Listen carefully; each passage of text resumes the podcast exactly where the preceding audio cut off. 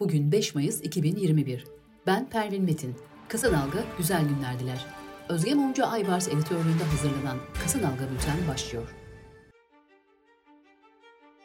Avrupa İnsan Hakları Mahkemesi, HDP milletvekili Filiz Kerestecioğlu'nun dokunulmazlığının kaldırılmasına ilişkin yaptığı bireysel başvuruda ifade özgürlüğü hakkının ihlal edildiği kararı verdi.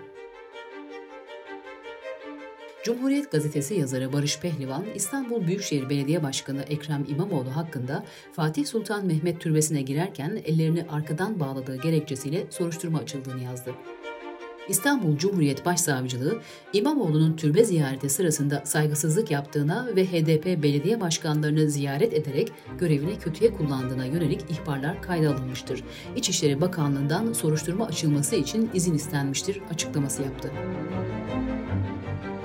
CHP lideri Kemal Kılıçdaroğlu, MHP'nin yeni anayasa hazırlığına ilişkin metni görmedik ama anayasa mahkemesini kaldıracak galiba. Belki Yargıtay'ı da kaldırır. Zaten kararı saray veriyor, dedi.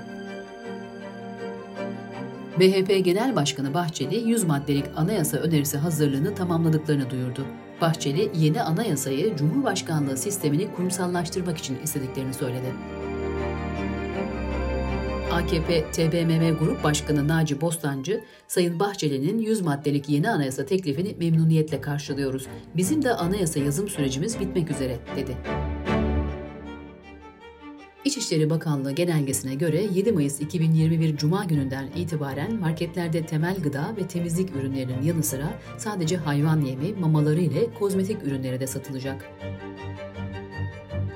Çevre ve Şehircilik Bakanlığı 81 valilik aracılığıyla tüm il ve ilçe belediyelerine gri pasaport genelgesi gönderdi.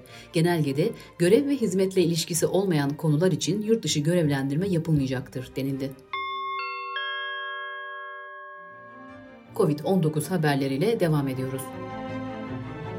Türk Tabipleri Birliği Merkez Kurulu Genel Sekreteri Profesör Doktor Vedat Bulut, vaka sayılarındaki değişime ilişkin bir takım kodlar, algoritmalar uygulayarak istedikleri rakamları istedikleri gibi vermeye çalışıyorlar. Salgını değil, algıyı yönetiyorlar hala, dedi. Sağlık Bakanı Fahrettin Koca, önümüzdeki 3 veya 4 ay içerisinde yeni yaz dönemi dahil olmak üzere 18 yaş üstü bütün vatandaşlarımızı aşılama noktasında bir gayret ve çaba içerisindeyiz ve bu noktada da kararlıyız diye konuştu. BioNTech'in kurucu ortağı ve CEO'su Profesör Doktor Uğur Şahin, ABD'li ilaç devi Pfizer ile ortaklaşa gerçekleştirilen COVID-19 aşısının 2 ila 8 santigrat derecelik buzdolaplarında 6 aya kadar saklanabilen farklı bir versiyonu üzerinde çalıştıklarını açıkladı. Avrupa Birliği'nin Avrupa İlaç Kurumu, Türkiye'de de kullanılan Çin yapımı koronavirüs aşısı Sinovac hakkında gerçek zamanlı inceleme başlattığını duyurdu. Sırada ekonomi haberleri var. Türkiye Esnaf ve Sanatkarları Konfederasyonu Genel Başkanı Bendevi Palandöken, marketlerde zorunlu ihtiyaçlar dışındaki ürünlerin satışına gelen yasağın internetten satışları da kapsaması çağrısında bulundu. Çalışma ve Sosyal Güvenlik Bakanı Vedat Bilgin, Nisan ayına ilişkin kısa çalışma ve işsizlik ödeneği ödemelerinin bugün hesaplara yatırılacağını duyurdu. Otomotiv Distribütörleri Derneği, Türkiye otomotiv pazarının Ocak-Nisan dönemindeki performansını açıkladı. Buna göre yılın ilk 4 ayında toplam pazar %72.4 artarak 260.148 adet olarak gerçekleşti. Kuzey Marmara Otoyolu'nu işleten ortaklığa 2020 yılı için 2 milyar 150 milyon lira, Ankara-Niğde Otoyolu'na da 150 milyon lira araç geçiş garantisi kapsamında ödeme yapıldı. Dış politika ve dünyadan gelişmelerle devam ediyoruz. Almanya'da 2020 yılı siyasi suç istatistikleri kamuoyuna paylaşıldı. Siyasi suçluların sayısı artarken özellikle aşırı sağcıların işlediği suçlardaki büyük artış dikkat çekti. Meksika'nın başkenti Meksiko'da bir metro köprüsünün çökmesi sonucu en az 23 kişi hayatını kaybetti, 65 kişi de yaralandı.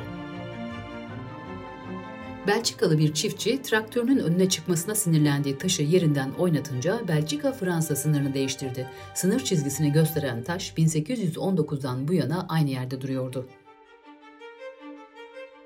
Çin'in uzaya yolladığı bir modülü taşıyan roketin gövdesi kontrolden çıktı. Parçaların kontrolsüz biçimde dünyaya düşmesinden endişe duyuluyor.